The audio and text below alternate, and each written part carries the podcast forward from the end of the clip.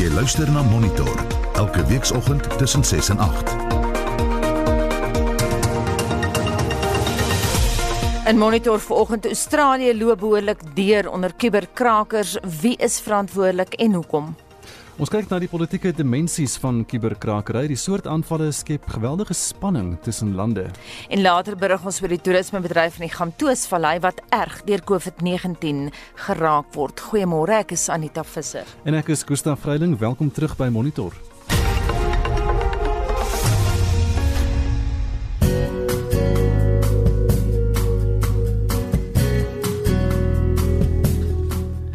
Die weer vir vandag, die 22ste Junie, is uitgereik deur die Suid-Afrikaanse Weerdienste en ons begin in Gauteng waar dit mooi weer sal wees. Pretoria word 20 vandag. Johannesburg en Vereniging word uh, 18 grade. In die Laagveld mooi weer, dit word gedeeltelik bewolk vanaf die laatoggend, 20 in Bombela. En dan die res van die binneland is ook mooi weer. In Polokwane 19, Mahikeng 21, Vryburg 20, Bloemfontein 19, Kimberley 22 en Appington word 25 grade vanmiddag. In die Wes-Kaap bewolk met oggendmiskolle, dit word mooi weer. Die wind is matig noord tot noordwes, 19 in Kaapstad en 22 in George waar dit net mooi weer sal wees. Die Oos-Kaap is ook mooi weer, 21 in Port Elizabeth en 22 in Oos-London. En dan aan die Ooskus in KwaZulu-Natal Mooi weer, dit word gedeeltelik bewolk met tye. Die wind is lig tot matig suid tot suidoos. Dit word noordoos in die namiddag. 23 in Durban en Richards Bay aan die kus en dan 21 in Pietermaritzburg in die Middelland waar dit gedeeltelik bewolk sal wees met oggendmiskolle en mooi weer teen die late oggend. En dis dan die weer vir vandag uitgereik deur die Suid-Afrikaanse Weerdiens. Vir nog inligting kan jy gaan na die Weerdiens se webwerf weathersa.co.za. En nou die finansiële aanwysers op moneyweb.co.za. Die aandelebeurs in Johannesburg het Vrydag effens hoër gesluit. Die JSE se indeks van alle aandele so 0,52% hoër op 54224 punte. En die meeste van die indekse het veld gewen vir al die goudmyn indeks 7,75% hoër, die Hulbron indeks 1,38% hoër, die finansiële indeks 0,59% hoër en die enigste een wat so effens laag gesluit het was die nywerheidsindeks 0,14% laer. Wat beteken die top 40 was teen Vrydagmiddag 0,45% hoër. Kommoditeitspryse vir môre, goud staan op 1751 dollar en 43 sent per fyn ons, platinum 829 dollar en 25 sent en Brent olie is aan die styg, nou 42 dollar en 17 sent vir 'n vat. Die wisselkoerse in hierdie stadium, die rand teen die Amerikaanse dollar R17 en 32 sent, eintlik so 33 sent. Teen die euro is dit R19 en 41 sent en 'n Britse pond kos vanmôre R21.47 en dis die finansiële aanwysers op monitor.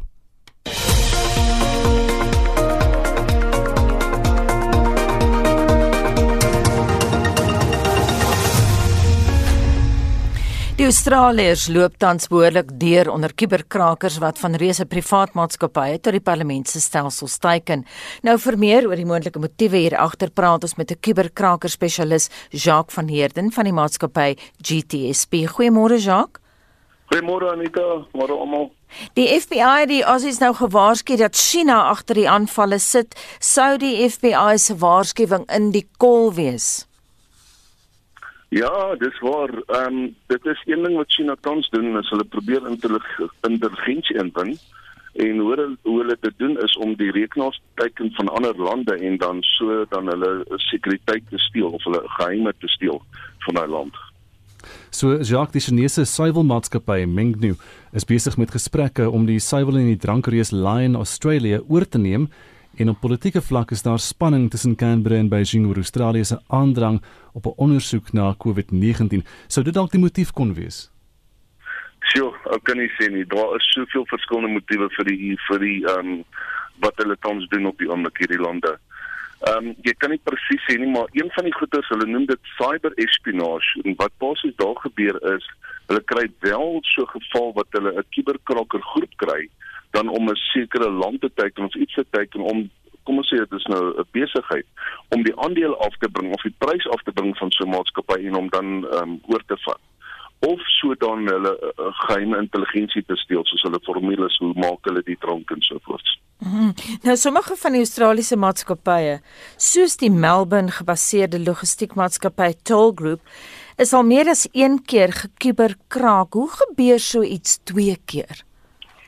Ehm um, jy sien net dat die wanneer developers of die mense die webtuistes maak, dan gebruik hulle kode wat publiek beskikbaar is, 'n gratis kode wat beskikbaar is vir hulle. Dit maak hulle werk baie makliker en baie vinniger ook. Nou wanneer hulle daai kode gebruik, ons noem dit open source code. Nou wanneer hulle daai kode gebruik, mag daar dalk sekuriteit vulnerabilities binne daai kode lê sonder dat hulle weet daarvan en dan jou developer wat jou webtuiste maak, vat dan daai kode wat hy gekry het, sit dit in sy eie webwerf uh, webwerf dan, jou eie webwerf dan en hy maak dit dan lewendig. Nou wanneer 'n vulnerability nou opgetel word, affekteer dit dan almal wat daai sagte ware gebruik. En dit is waar die groot probleem inkom. Die sagte ware word nie behoorlik ondersoek vir vulnerabilities nie en dan word die maatskappy geteken. So hulle noem dit baie um, in in die hackerveld noem hulle dit 'n zero day vulnerability want daar is nie 'n uh, 'n uh, fix vir dit nie. Niemand kan dit nog regmaak nie. So tot en met dit ehm um, tot en met daai siklus nie reg gebeur nie, gaan ons altyd sien hoe kom maatskappye geteken word deur vulnerabilities waarvan hulle nie weet nie en wat hulle ook nie regmaak op hulle ehm um, websites nie. Nou Jacques, ek verstaan mens kry ook verskillende soorte kuberaanvalle en dat hierdie aanvalle dan ook in fases gebeur, né? Ja, dit is waar. Ehm um, daar's basies 5 fases na enige aanval toe. En jou heel eerste fase sal basies ehm um, inligting inwen fase wees. Dis nou waar jy moet gaan sit en kyk wie werk vir die maatskappy, waar hulle gebaseer is, daar fisiese sekuriteit om die perseel en so voort. En dan jou tweede aanval kyk jy dan of jou tweede fase kyk jy dan basies wat se stelsels van hulle is publiek beskikbaar of op die internet wat mense van weet hoe kom mens jou jou mense kontak jou jou um, victim kontak ook en so voort deur hul e-mailadres en en telefoonnommer en so voort. En dan jou jou derde fase basies is nou waar daai um, maatskappy dan oorgevat word. Hy word genou gehack sê dit nou deur 'n vulnerability of deur 'n persoon wat op 'n link geklik het, word die maatskappy gehack dis fase 3 dan en dan kom die belangrike fase en dit is waar hulle 'n backdoor install. En dit is wat baie maatskappye nie verstaan nie. Wanneer jou maatskappy geteken word deur kuberkrakers, het hulle ook sagte ware wat ons noem backdoors wat dan geïnstalleer word in jou rekenaar wat hulle ek wat hulle dan toegang gee na jou stelsel toe na ure ook of na die tyd. So kom ons sê jy word vanoggend 9uur word jy gehack daai ons plant die backdoor en van daar af kan hulle na jou stelsel toe kom enige tyd en hulle kan jou stelsel oorvat dan met hulle eie um, wagwoord ook.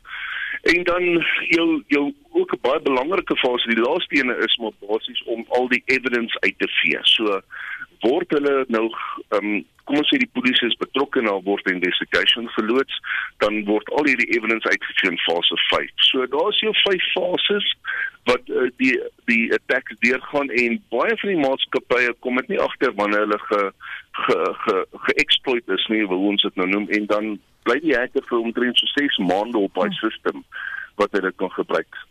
Sonder enige wete dat iets op die oomblik besig is om te gebeur jy as 'n gebruiker sal nie weet nie. Daai persoon kan 'n um, jou jou webcam oopmaak en hy kan 'n foto van jou neem en jy sal nie eens daarvan weet nie.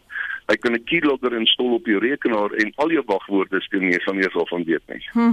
Ja, die Australiese Financial Review het nou die naweek gewaarsku dat hierdie huidige vlaag van kuberkrakery, maar net die puntjie van die ysberg in Australië is. Stem jy saam? Dit, dit ek stem saam dit is waar. Dit is nie net in Australië nie. Dit is dit is 'n wêreldwye tendens wat gebeur. En ons sien hierdie tendens al op vir die laaste 5 jaar waar jou kuberkrakers byvoorbeeld en ek gaan nou net 'n bank se naam doen. Kom ons vat een van ons groot banke.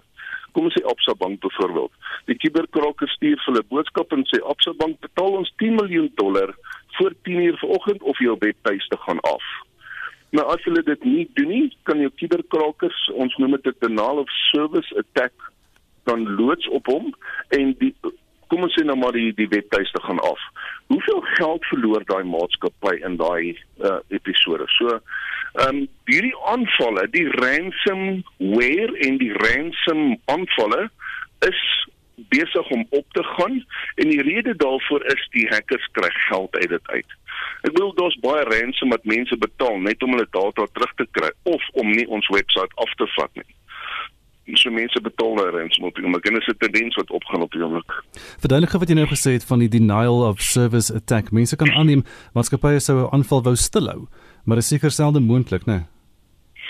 Ehm um, kom ons vat 'n voorbeeld. As jou webtuiste, kom ons sê jy wil bank, jy wil jy doen jou bank online, so jy bank by bank ABC byvoorbeeld.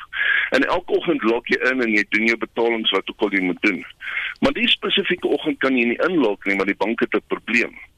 Dis nou waar die hackers vir die bank gesê het, luister, jou webtuiste gaan af totdat jy ons hierdie tipe geld betaal het. Nou loods die attackers 'n denial of service op daai tipe bank en hulle haal daai webtuiste van die lug af. Wat basies gebeur met 'n met 'n denial of service is, daar's miljoene koneksies wat inkom na daai webtuiste toe wat nie oorspronklike mense is wat daai koneksies maak nie. Dan maak hy daai daai rekenaar maak so besig dat gewone mense dan nie daai rekenaar kan raak sien nie. Hmm. En dit is waar hy ons noem dit nou die service, jou webtuiste is nou nie meer beskikbaar vir die gewone gebruiker nie. Ja. So, ons gaan yes. Maak klaar? Nee, nee, ons gaan hierdie ding sien nog in die verre toekoms in ook. Hy gaan nie ophou. Kom ons kyk nou hoe die Asiëse hanteer. Line Australia se hoofuitvoerende beampte Stuart Irvine het van meet af aan oopkaarte met die maatskappy se 7000 werkers gespeel en gesê die fokus is nou op verdediging. Hoe beskerm jy jou stelsels in 'n wêreld waar die krakers een stappie voor is of blyk te wees, Jacques? Kyk, eerstens moet jy jy moet weet hoe jou stelsels werk. En kom ek vat 'n uh, voorbeeld van ons um, kom ek vat 'n minuut 'n voorbeeld vir Eskom. Uh, Eskom wek krag vir ons op. As daai stelsel van Eskom beskikbaar is op die internet of van die internet op beskikbaar is, dan kan die kuberkrakers inkom en hulle kan ons krag afsit. Ons maak dit nou net maklik so. En dit is dieselfde wat met ander lande ook gebeur. Hulle moet verstaan waar lê hulle critical infrastruktuur en hoe word dit bestuur want baie van die critical infrastruktuur soos jou robots het 'n 'n 'n selfoon antennaatjie bokant hom en hy praat terug na 'n 'n command center toe. Nou as die as die attackers of die hackers nou daai daai sein kan intercept en hulle kan in 'n robot inkom, kan al die robots groen maak van 'n land. Dit so daar is daai moontlikhede ook van 'n uh, kritiese infrastruktuur wat aangeval word sonder dat die die plek weer daarvan. Hoe moet hulle dit regmaak? Jou eenheid, kom ons sê 'n Eskom of 'n land of 'n organisasie moet letterlik gaan sit en kyk wat van my infrastruktuur kyk internet toe en hoe veilig is dit? Wat kan die 'n kuberkraker sien van my infrastruktuur en wat kan hulle daarmee doen op die einde van die dag?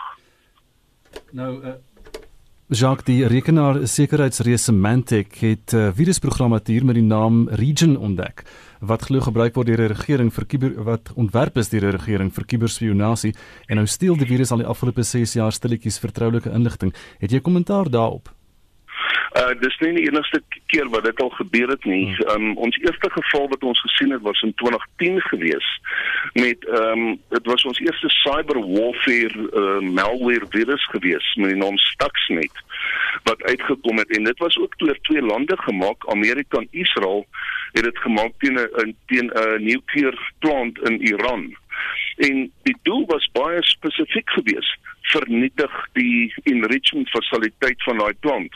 En uh, dit het so gebeur. So jy kry hierdie tipe virusse wat deur lande geskep word om 'n ander land te uh, in te dring en dan skade te berokken aan sekere tipe infrastruktuur van daai land. So dis nie 'n nuwe ding nie. Jacques Bey, dankie. Dis 'n kuberkraker spesialis, Jacques van Heerden, wat met ons gesels het van die maatskappy GTSP. Dit is nou 7:19 en ons bly by die onderwerp en praat oor die politieke dimensies van kuberkrakery met die politieke wetenskaplike verskoon my, Dr Piet Kroukamp van Noordwes Universiteit se Valdrio kampus. Môre Piet môre nie dat jy like te gehad het om verskoning te maak dat jy nie op het nie, maar is reg so. Piet, daar staan baie spanning tussen uh, Beijing en Canberra. China is boos vir die Morrison administrasie wat 'n versoek na die oorsprong van COVID-19 eis. Dink jy uh, dit sou Nicole wees om te sê uh, die FBI sê wel, jy weet Chinese is verantwoordelik ons nou gehoor wat dink ons kollega Jacques daar, maar dink jy dis wat gebeur? Die Chinese sit agter hierdie hele storie? Wel, ek ek ek sou ongelukkig vir Jacques moet en ek dink daar's meer ehm um, uh, meer mense soos Jacques wat toenemend sê dat dit die manier is hoe uh, Amerika, Rusland uh, en China uh, noem dit noem maar hulle diplomatieke regimes uh, bestuur. Die probleem met vir Australië is natuurlik uh, dat hulle geweldig afhanklik is van uh, die Chinese uh um, hulle gaan net iets 32% van hulle totale uitvoere uh, gaan na China toe en as jy dit nou onder Amerika byvoorbeeld is omtrent uh, glad nie afhanklik werklik van China nie. China is inderwaarheid afhanklik van Amerika. So, dit is nou heeltemal in in die dinge wat mense onthou is Morrison is soos Donald Trump en Boris Johnson is hy daai generasie van nasionalistiese leiers. Uh en ek dink dis wel soos Xi Jinping ook natuurlik. Nou as jy hierdie groepie bymekaar sit, dan kan jy nou 'n tipe van 'n diplomatieke stryd wat nou geveg word op 'n vlak wat ons histories nie geken het nie. In die verlede byvoorbeeld sou 'n land moes 'n bepaalde iemand met 'n regeringsstelsel gepenetreer het deur agente in die binnekant te plaas of hy sou van sy diplomate gebruik het om bepaalde inligting te kry en om in die, in die samelewing te funksioneer waar hy, waar hierdie uh, diplomate dan nou geplaas is. En dit is 'n geweldige omslommerende komplekse proses wat jare kan neem om minimum inligting te kry. Dis alles goed wat jy nou oornag kan kry uh, deur eenvoudig net uh, soos 'n kuberkraker te funksioneer. Maar jy sê reg, Australië het baie baie groot militêre met die Chinese nou. Nou die uh, Trump administrasie in die Withuis het ook die Chinese beskuldig daarvan dat hulle korona-gebaseerde data van die Amerikaanse farmaseutiese maatskappye se inligtingstelsels steel.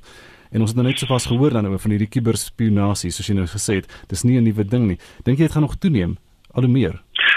Dit dis nie die eerste keer wat ook die Amerikaners nou gepraat van farmaseutiese inligting in die koronavirus, maar dis al vir baie jare, ek dink iets soos 3 dekades lank, waar die Chinese en ook in 'n mate die Russe daarvan beskuldig word dat hulle patente steel in Amerika en dit dan hmm. gebruik in Amerika en dan wil jy spaar die koste van innovasie en van uh, uh, navorsing en ontwikkeling. Uh, en dit dit gaan al vir drie drie generasies dan veral in die motorbedryf in in in in uh, in China, maar nou spesifiek ook in die farmaseutiese bedryf. Die uh, Chinese die laaste 10, 15 jaar het as dit ware die voortog geneem in baie mediese protokolle byvoorbeeld deur eenvoudig die patent vir die Amerikaners te steel en dan binne in China waar daar 'n minder streng noem dit nou maar 'n uh, uh, uh, uh, regime van beheer is, 'n protokol van beheer is op oor mediese uh, uh, patente. Het hulle dan navorsing en eksperimente gedoen? Wat as ware maak dat by baie forme van mediese tegnologie, byvoorbeeld CRISPR, is is die Chinese die Amerikaners tans voor, juis om hulle risiko's te neem uh uh wat wat die Amerikaanse stel die food and drug administration byvoorbeeld nie sal toelaat in Amerika nie. Maar hulle steel patente wêreldwyd en dis dis redelik maklik as jy die stelsel kan penetreer op 'n manier wat Jacques verduidelik het uh, wanneer dit kom by die staatssekuriteit. Nou nie weet hoe maklik dit is om farmaseutiese maatskappye wat juis ingestel is of opgestel is om hierdie tipe van firewalls te hê teen teen teen patente diefstal om dit te beheer nie. Hoe maklik dit is uh, om om toegang te kry tot hulle stelsels. Ek wil teruggaan na die verhouding tussen Beijing en Canberra. Die staatsbeheerde Chinese media Piet het nou ook op die wa geklim. Hulle verwys na Australië as 'n reuse kangoeroe wat niks anders is as 'n skoothondjie van die FSA nie. Hoe lank gaan dit vat voordat gemoedere kalmeer? Dit is wat vat van die laaste 3 jaar reeds probeer Canberra uh om om 'n wat hulle noem 'n bilateral verhouding of 'n bilateral gesprek met te hê. Ek praat nie van 'n verhouding, 'n bilateral gesprek te hê met met die Chinese en die Chinese weier al reeds vir 3 jaar. Uh, wat jy wys hoe hoe, hoe, hoe lank hulle al noem dit 'n vorm van 'n argbaan het of 'n neidigheid teens die Australiërs openbaar en en en dit kan ek dink so lank as wat Morrison Scott Morrison daar is en hy frustreer baie duidelik jy dink kan hierdie verhouding dalk voortduur. Maar intussen is dit die Australiërs wat natuurlik uh, die grootste gaan verloor. Hulle het intussen probeer dit met Indonesië en Singapore en 'n verskeie hoeveelheid is is uh, Asiatiese state probeer om nuwe verhoudings te vestig want 'n groot probleem is hulle kry nie meer hulle grane uitgevoer sonder 'n uh, uh, uh, tariewe nie. Hulle uh, kry nie meer uh, byvoorbeeld onthou Australië is maar so Suid-Afrika is 'n mynbouland en 'n landbouland in 'n sekere sin. En daai twee uh, produkte in 'n sekere sin uh het vir hulle noem dit maar 'n goeie handelsverhouding geskep met China maar ongelukkig en dis die gevoel in Australië ook is dit 'n ding wat Australië geweldig afhanklik gemaak het net van China. En hulle probeer nou om met ander lande soortgelyke verhoudings te vestig, net om hulle die uitvoere van hulle produkte op 'n of ander manier te stimuleer in ander rigtings en om minder afhanklik te wees van die Chinese. Maar daar's geen twyfel daaroor dat dit nog vir baie langer kan voortduur want ek weet uh, ek, ek lees dat hulle dit is moeilik om nuwe verhoudings te vestig. Dit is moeilik om nuwe markte te vestig, veral omdat dit vir 32% van die totale uitvoer is. Hulle het die by 4 of 5% van die van van van hulle uitvoere kon hulle swai na ander markte in Indonesië, Jakarta ensovoorts. Maar die groot die, die bulk daarvan is nog steeds is afhanklik van die Chinese uh vir hulle uitvoere. Piet Australië het nou selfs 'n uh, ambassadeur vir kuberaangeleenthede met die naam van Tobias Feeken aangestel. Die posisie is nou deel van hulle departement van buitelandse sake. Dis tekenend van die tye of hoe? Ja, dis dis dis dis hoe diplomatieke verhoudinge in die toekoms ook uh, bestuur sal word. Jy sien ook sien dat Donald Trump byvoorbeeld hy praat so half in Engels sê dismissive van Angela Merkel en praat uh, op dieselfde manier van NATO. Dis asof internasionale verhoudinge die deel wat ons geken het, die, die oop diplomatieke verhoudinge, asof dit op 'n banale vlak geveg word. Die werklike diplomatieke verhoudinge vind nou so half onder die water plaas en dis op die op die kubervlak. Uh, en dis waar lande mekaar intimideer, dis waar hulle hulle self opstel teen ander dis waar hulle uh, probeer om opinie te beïnvloed. Die kiberkraker, 'n groot deel daarvan gaan nou om 'n bepaalde opinie te beïnvloed voordat dit geneem word of 'n besluit voordat dit geneem word, moet dit beïnvloed word. En dieselfde manier wat die verkiesings probeer beïnvloed voordat die verkiesing plaasvind. En ek dink dit is die diplomatieke verhoudinge het 'n totale ander uh, uh dimensie of uh, uh, uh, kenmerk uh, aangeneem. En dit is die bo die water sien hierdie noem dit maar banale verhouding hierdie verwysings te mekaar is is kangaroos en idioote en en rocketmen daai goed. Dit het eintlik niks te doen met wat werklik gebeur onder die water nie. Baie dankie en so sê die ontleder Dr Piet Kroukamp van Noordwes Universiteit se Valdriehoek kampus. Dis nou 26 minute oor 7 en steeds by kuberkrakery, maar nou verskuif ons die fokus na die ekonomie en praat met PSG se beleggingsekonoom Dawie Klopper. Dawie, goeiemôre. Uh, Goeiemôre Gustaf. Nou kuberkrakers val al lankal maatskappye aan. Ons het dit ook in Suid-Afrika beleef, maar Australië word nou op alle vlakke geteken. Sou mens enige idee kon vorm van hoe dit 'n land ekonomies sou kon lam lê? Wel, uit die aard van die saak het dit groot impak ehm um, in 'n land as jy nou van 'n land praat. Ehm um, jy het net daaroor gepraat, die geheime jou geheime kan gesteel word, jou intellektuele eiendom kan gesteel word. Ehm um, ek dink Jacques het verwys na kritiese infrastruktuur wat afgeskakel kan word, jou patente kan gesteel word. So op 'n op op op, op, op uh, nasionale vlak kan dit wyd tref. Dit kan ehm um, dit kan groot skade doen. Dit kan ehm um, jou geheime kan dan daar net heen wees. As mens bietjie baie as net dink op landvlak, dit kan natuurlik vir jou as 'n individu tref.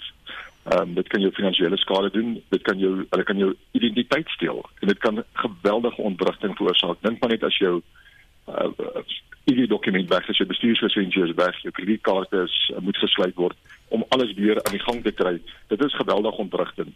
Jy kan afgepers word.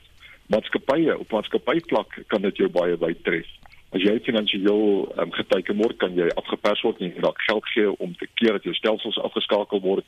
Die ander ding wat 'n groot impak kan hê, is natuurlik jou reputasie kan skade kry. Ehm um, as daar as dit blyk dat jy nie veilige stelsels in plek gehad het nie, dan kan dit vir jou op daardie manier skade doen.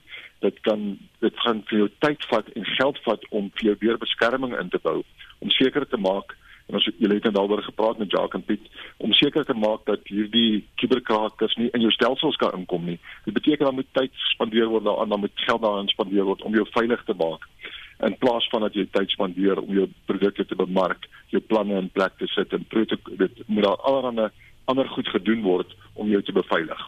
Net laasens Dawie die probleem is in hierdie COVID-19 tydperk is selfs mense wat normaalweg nie aanlyn sou wees nie nou aanlyn mense persoonlik word ook geteken tuis. Ja, jy sien presies dit nê, nee. ehm um, met hierdie COVID tyd het, het hierdie mos nou hierdie enorme ontploffing plaasgevind in terme van die aanwending van ehm um, van die internet en van vergaderings aanlyn en aanlyn aankope het uh, het op groot skaal toegeneem. Ons weet dit is die wenners in die finansiële markte by daardie maatskappye wat daardie produkreekse kon aanbied. Maar uit die aard van die saak is dit is waartoe die ekonomie groei, gaan die kubermisdadigers agterna kom en is hierdie stelsels dalk nie so goed in plek gesit om jou te beskerm teen moontlike aanvalle nie. Hulle gaan kom, hulle gaan kyk waar is die aktiwiteit en hulle gaan probeer om ook ekonomiese munt uit hierdie aanlyn groei te slaan. En dit gaan natuurlik hierso in die geval van Australië en China oor graan uitvoer, daar's 'n handelsaspek hier aan hiermee betrokke. Ek dink as jy saak, ehm um, dit kan dan ehm um, handel tref, dit kan jou afpers op 'n manier om te sê maar ehm um, ek dink Pieter nou daarna verwys dat die markte wat vir jou oop is, ehm um, word ge kan moontlik bedreig word op 'n manier op in hierdie verband. Hulle kan vir jou ehm um, dit moeilik maak om uit te voer. Hulle kan allerlei goed met jou doen ekonomies gesproke om jou dan eintlik as te ware af te pers um, en om miskien ander uh, vergunnings by jou uit um, te kry in hierdie proses. Dawie baie dankie dit was dan PSG se beleggingsekonoom Dawie Klopper. Jy luister na Monitor elke weekoggend tussen 6 en 8. 37 en in die nuus taksi-bestuurders in Orange Farm suid van Johannesburg versper paaie wat dit onbegaanbaar maak vir ander voertuie. Dit volg na lede van die Santaco taksi-organisasie met 'n staking begin het. Die Wêreldgesondheidsorganisasie sê die toename in die aantal bevestigde COVID-19 gevalle wêreldwyd het die afgelope naweek 'n hoogtepunt bereik. En die Gautengse toerisme sektor begin met voorbereidings om die bedryf 'n hupstoot te gee na die inperking verby is, bly ingeskakel. Daar is geen verkeer. Ons kyk na die voorvalle wat inkom in Pretoria. 'n Voertuig staan op die N4 ooswaarts net na die proefplaas wisselaar. Een baan is versper daar. In KwaZulu-Natal 'n voertuig staan op die N3 ooswaarts na Linfield Park wisselaar. Die linkerbaan is versper in daardie omgewing.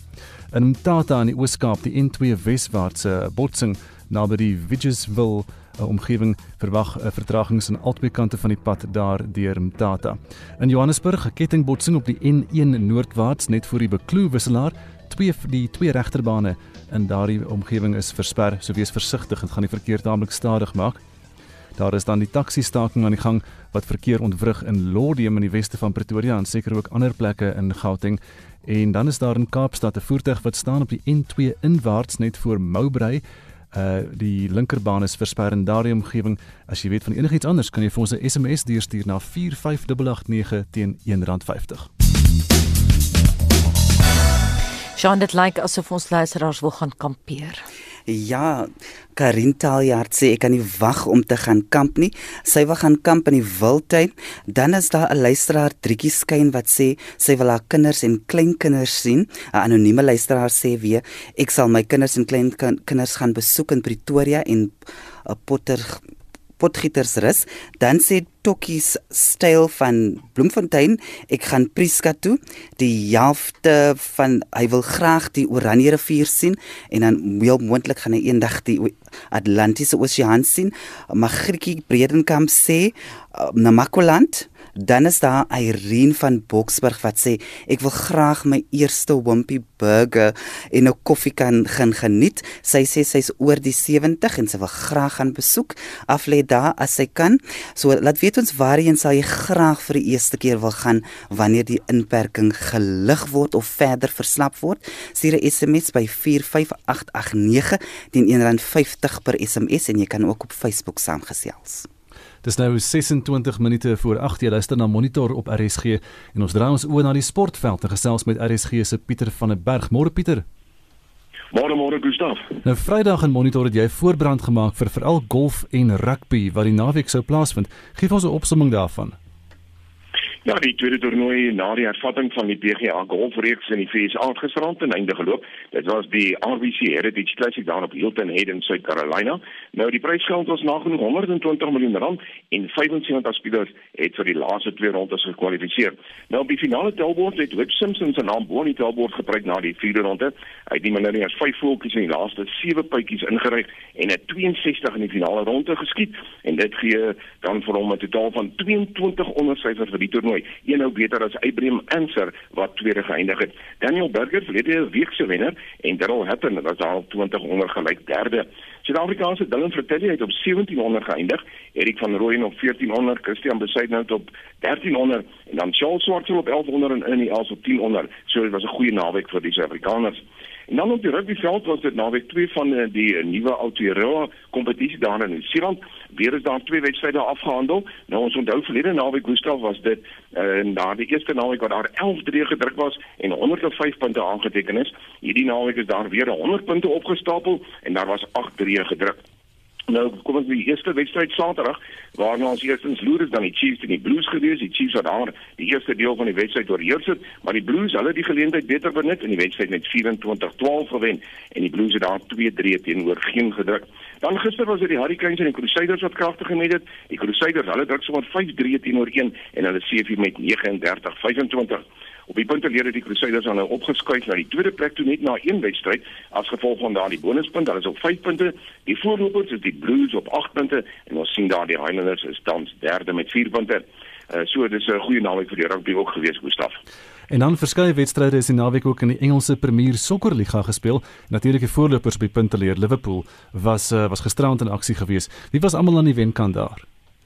Ja, kortlik Saterdag se wenners Crystal Palace, Wolverhampton Wanderers, ehm um, sien ook Brighton en Hove het daar 'n oorwinning behaal oor Arsenal van 2-1 en dan het Leicester City en Watford gelyk op gespeel 1-1 so tweede uh, span in Crystal Palace in Wolverhampton Wanderers wat aan hulle wedstryd gewen het. Nou soos jy genoem het gister was dit die voorlopers op die punte leer wat in aksie was Liverpool bietjie verroes gelyk en uh, hulle het gelyk op gespeel teen Everton met 0-11 dis 'n wegwedstryd vir Liverpool gewees. Chelsea behaal 'n wegoorwinning oor Aston Villa van 2-1 en dan het Newcastle United op hulle tuisveld met Sheffield United afgereken 3-0 en op die jongste punte leer dan nou Liverpool, hulle is daar op 83 punte. Man City is tweede met 60 en Gustav Leicester City bekeer die derde plek op 54. En Pieter het jy Vrydag ook genoem dat daar uh, motorwedrenne en tennis op die spyskaart is? Ja ja, die tennis um, Saterdag was dit wêreldnommer 1 Novak Djokovic wat die eindstryd gehaal het van die Fortuna toernooi daar in Kroasie. Nou interessant, hy het eers met Petja Kristin afgereken en toe ook by die toeskouers se gunsteling Borna Koric, maar nou ja, die eindstryd gister was gekanselleer en dit is nadat Grigor Dimitrov by die toernooi positief getoets is vir die koronavirus. En dan in motorsport is er die NASCAR G500 wat gister op die Talladega Superbaan uitgestel is as gevolg van uh, reën, wind en weerlig. Nou dis die langste baan in die NASCAR reeks en daardie wedren Gustav sal nou eers vanmiddag om 3 uur Suid-Afrikaanse tyd, nie Amerikaanse tyd gejaag word. Pieter Loof ons vooruit wanneer wat hierdie week op 'n sportliefhebbers wag.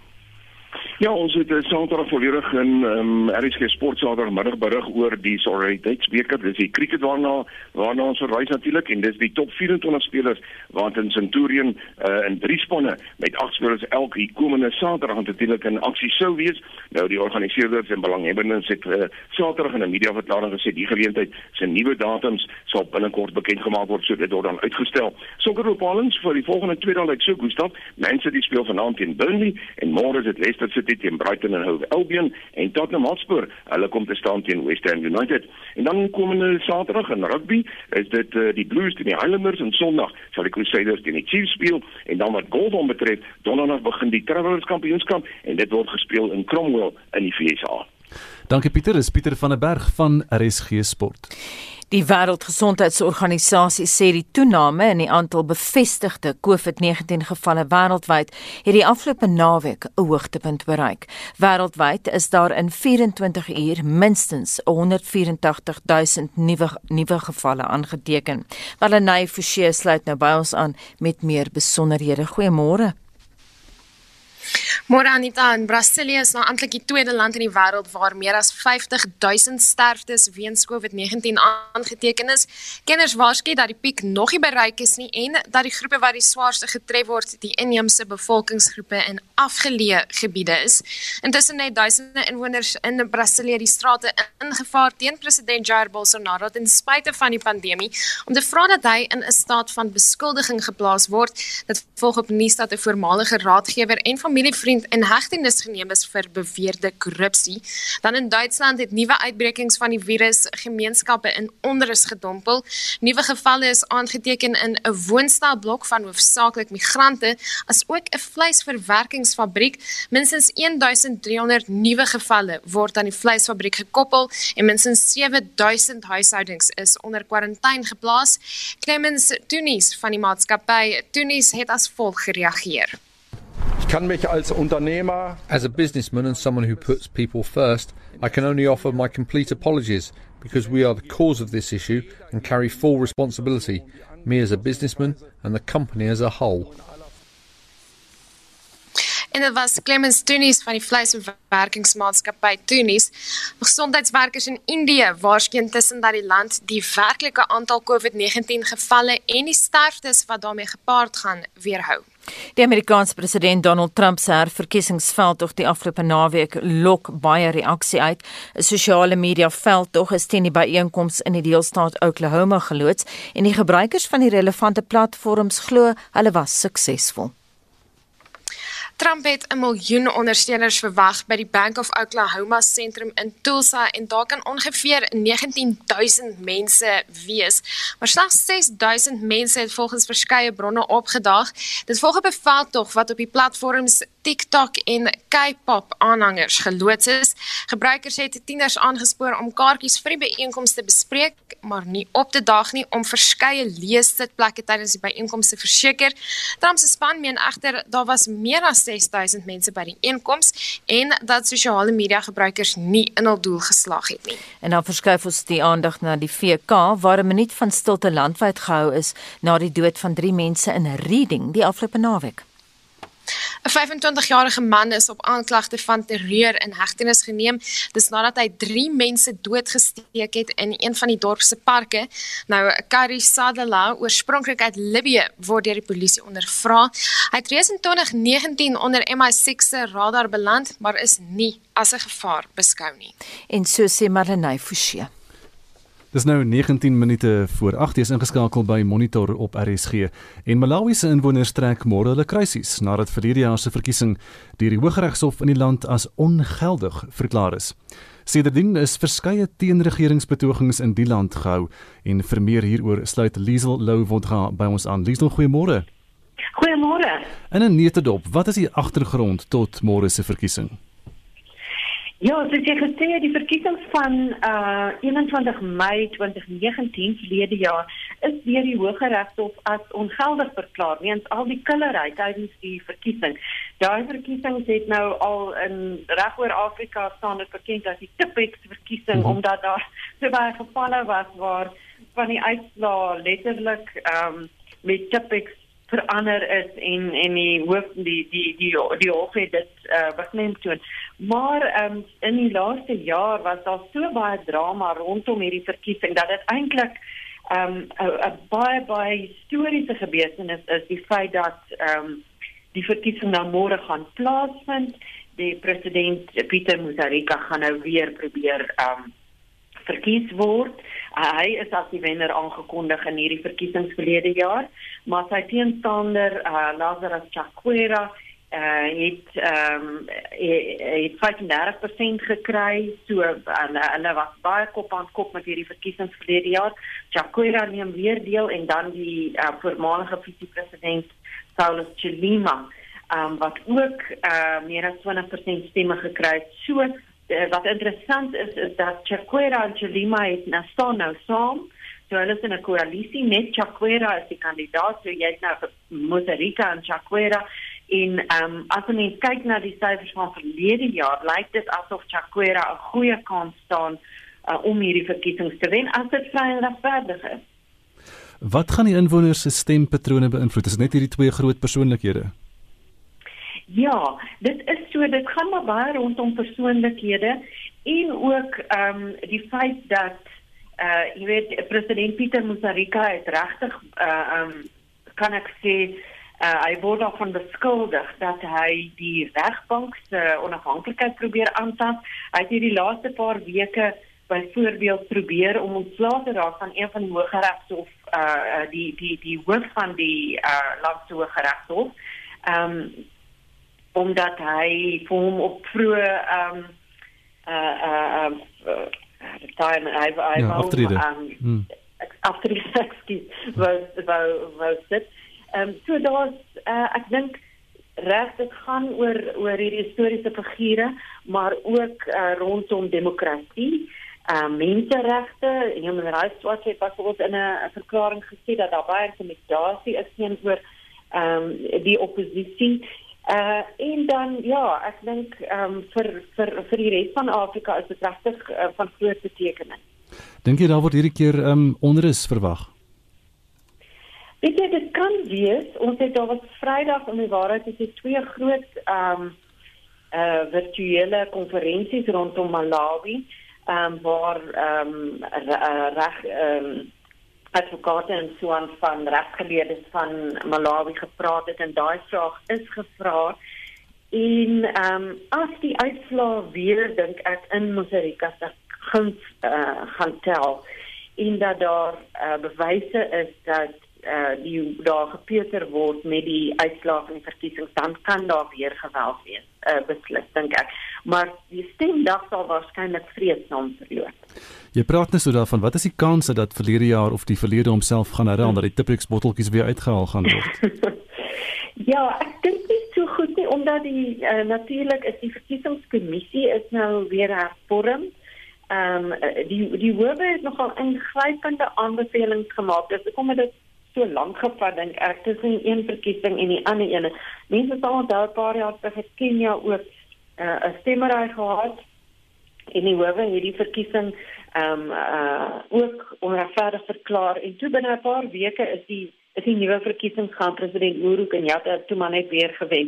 Maar in hierdie geval is daar hervormings gebring. Een van die belangrikstes is ook dat ehm um, hierdie keer moet uh, iemand meer as 50% ehm um, kry om te wen en nie so en nie net 'n uh, 'n meerderheid nie. So moet Rika hmm. is laas as die wenner verklaar omdat hy omdat hy meer as al die ander kandidaate gekry. So hierdie keer is daar ook 'n moontlike tweede ronde. As Chakwera dan nou nie meer as 50% kry nie. En dit is interessant. So dit is daar was ingrypende hervormings en dit is uh, weet wat die regsgeleerdes tydens hierdie een debat uh, uh, Vrydag gesê het. Dit is deur die Universiteit van Johannesburg georganiseer. Regtig baie interessant. Uh, rondom die feit dat uh, hulle nie grondwet verander nie.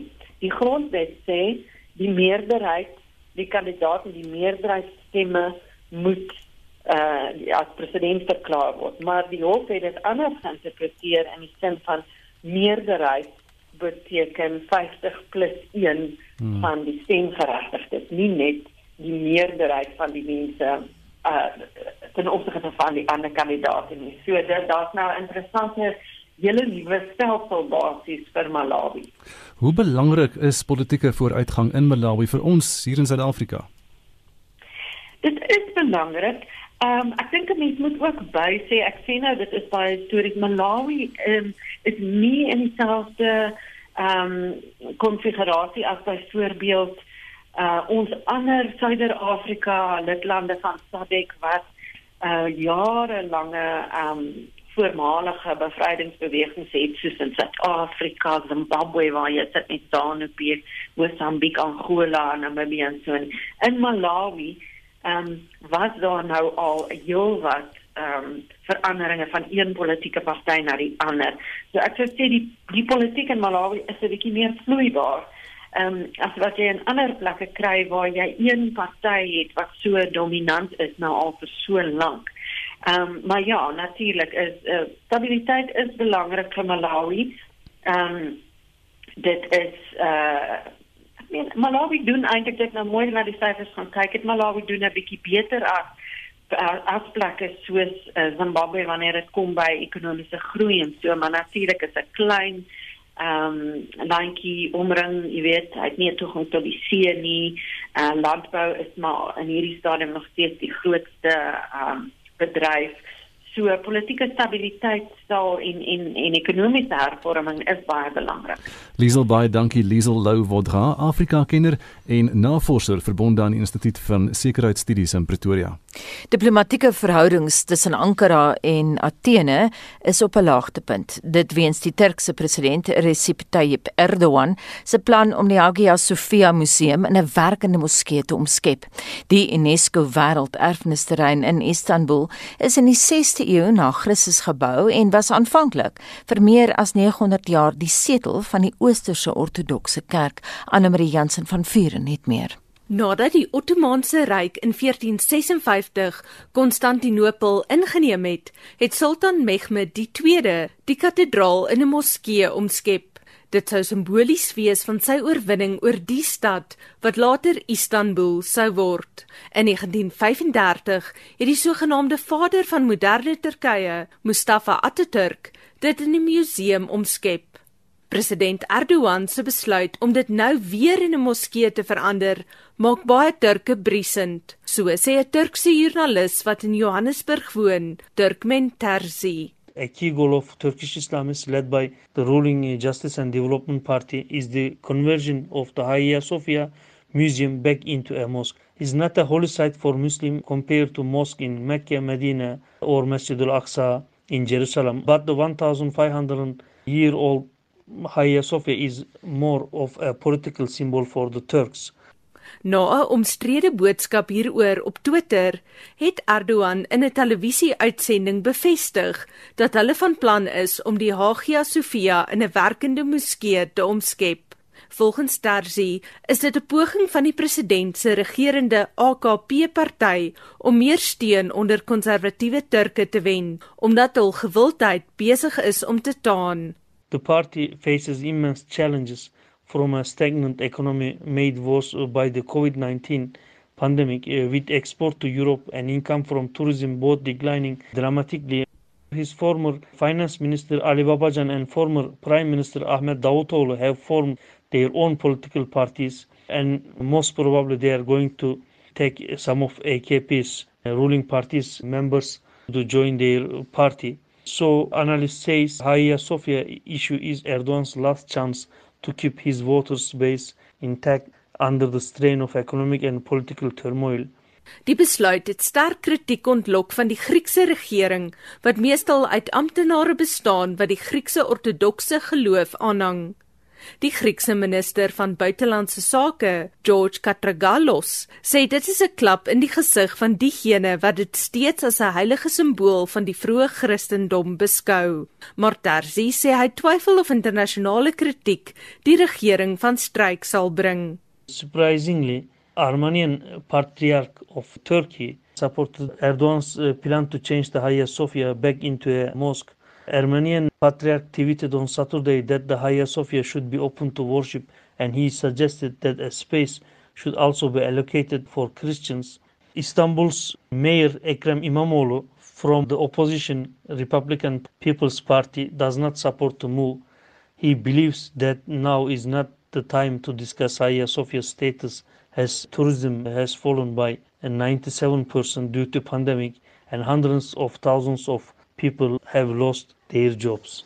'n Turkse joernalis, Turkmen Terzi, en ek is Anne Marie Jansen van Vuren vir SAK nuus. Die 7 minute voor 8 in die Gamtoosvallei in die Oos-Kaap is die oostelike poort tot die wêreldbekende Baviaanskloof.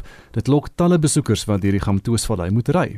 Talle restaurante en besighede hier moes hulle deure sluit of ander planne maak om te oorleef te midde van die inperking. Daar is egter inspirerende stories van oorlewing in die vallei. Veronica Fourie doen verslag. Dis nie net die natuurskoon wat besoekers hierheen lok nie, dis ook die gasvryheid en tradisionele kos. Dis sitruswêreld, maar toerisme is net so belangrik. 3 maande lank kon niemand op voetpaadjies stap nie. Piknikareas is verlate. Maar daar's heelwat inspirerende stories en ondernemings doen als om kop bo water te hou, sê Nicola Uys van Gamtoos Toerisme. Van ons lede wat staproetes het wat game drives aanbied wat die mense kan kom besoek op 'n daaglikse basis. Geen oorslaap op hierdie stadium, net die noodsaaklike dienste en dan natuurlik ons restaurante is oop.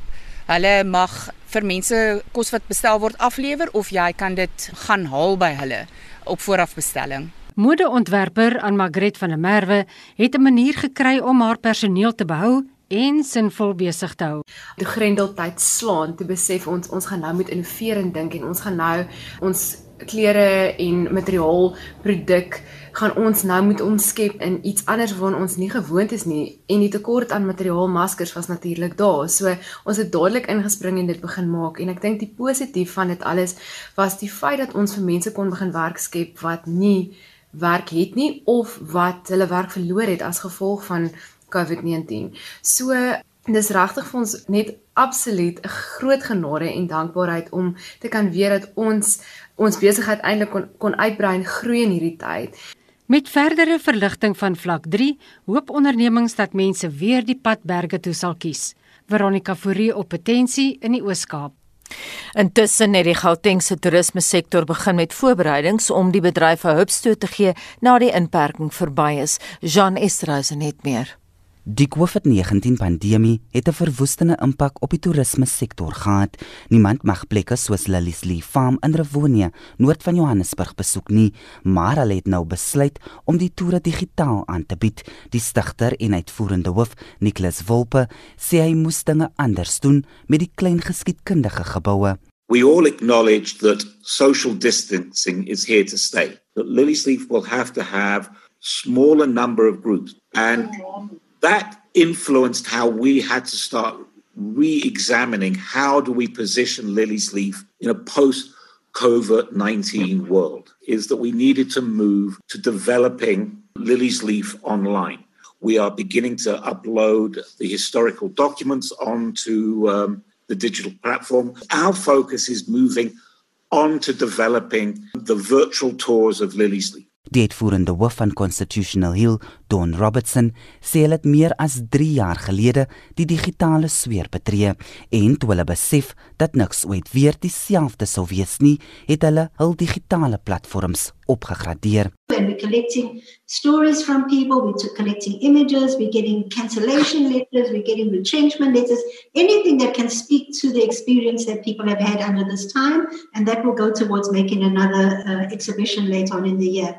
And then just providing people with stuff that they can escape to. For me, was to say, what is it that we have done was to try and think as out of the box as possible, being in a space that you're not going to be boxed that you you're going to think out of the box and i think that's what we're going to have to do as we move into this new normal Toerisme syfers het wêreldwyd met tussen 60 en 80% afgeneem as gevolg van die koronaviruspandemie. Die Gautengse toerisme owerheid se Vasile Nkobe sê dat almal in die bedryf nog gedwing is om aan te pas by die nuwe normaal. The numbers affect uh, the jobs security of people who are employed within the sector. the virus has actually taught us a quite interesting lesson that we need to start to adapt to the new world that you know technology is quite useful. Is because what is important with tourism it brings people together. And the challenge with the virus is that uh, it gets you know transmitted highly with the interaction of human beings. But i think we are confident that in the next 2 to 3 months uh, we are shaping up as we continue to engage with the industry players. Fazile Kobe, die waarnemende hoof van die Gautengse toerisme owerheid, die verslag van Paul Magubane in Johannesburg, Jean Estreisen, SAICanis. Dis 2 minute voorag, ons is amper klaar met die program. Jean, hoe lyk dit terugvoer? Wel, Estie sê ons kan nie wag om besoek te bring aan die pragtige strand van Buffalo Bay nie. Daar is ook 'n luisteraar Janet Nial wat sê see toe in KwaZulu-Natal kort baie Vitamiin C soos 'n aanhalingstekens C. Dan het Johan Botha gesê Hartenbos. Almri Botha sê my kinders en kleinkinders wil sy graag besoek. Andre Viljoen van die Parel sê ek sal 'n kafee na 'n kafee toe gaan en 'n goedkoop pakkie sigarette gaan koop. Magda Strydom sê ons sou nou in Namibië getoer het en daar is 'n ander luisteraar wat sê 'n anonieme luisteraar hy wil graag of sy Namibië toe gaan. Hannes Engelbrug sê vir 1 maand net ry. Dan Koos Groewe sê ons het plek bespreek by Port Elfrid vir middel Oktober. Dankie dat julle vanoggend saamgesels het. In die verkeer is daar enkele verkeersligte buite werking in Pretoria, maar daar is puntsmanne aan diens daarom. In Sunninghill in Johannesburg is daar 'n botsing op die N1 Noord net na die Rivonia afrit. Die N10 in die Ooskaap by Kraddock tussen Kraddock en Middelburg, 'n ernstige botsing en die pad is versper in daardie omgewing. Baie mense wil van die ry via busse gebruik maak as gevolg van die taxi-staking in Gauteng en op die N4 in Mpumalanga 'n vragmotor is daar wat die wat die pad versper tussen die Middelburg Plaza en van Duiksdrift. Kortliks net die dagboek van Spectrum. Ons sou op hoogte van die landwyse taxi-staking British American Tobacco Suid-Afrika gaan na verwagting die howe nader om die voortsleepende verbod op tabakprodukte teen te staan en die deel is ook vandag in die Hooggeregshof oor die inperkingsregulasies wat die skoonheidssektor betref. Volgens die party was die regulasies in die verband irrasioneel en ongrondwetlik. Ons groet namens ons waarnemende uitvoerende regisseur Hendrik Martin, volgens sy redakteur Justin Kennerly, produksieregisseur Lewona Bekes, ek is Gustaf Greiling en my naam is Anita Visser. SAK nuus. Onafhanklik, onpartydig.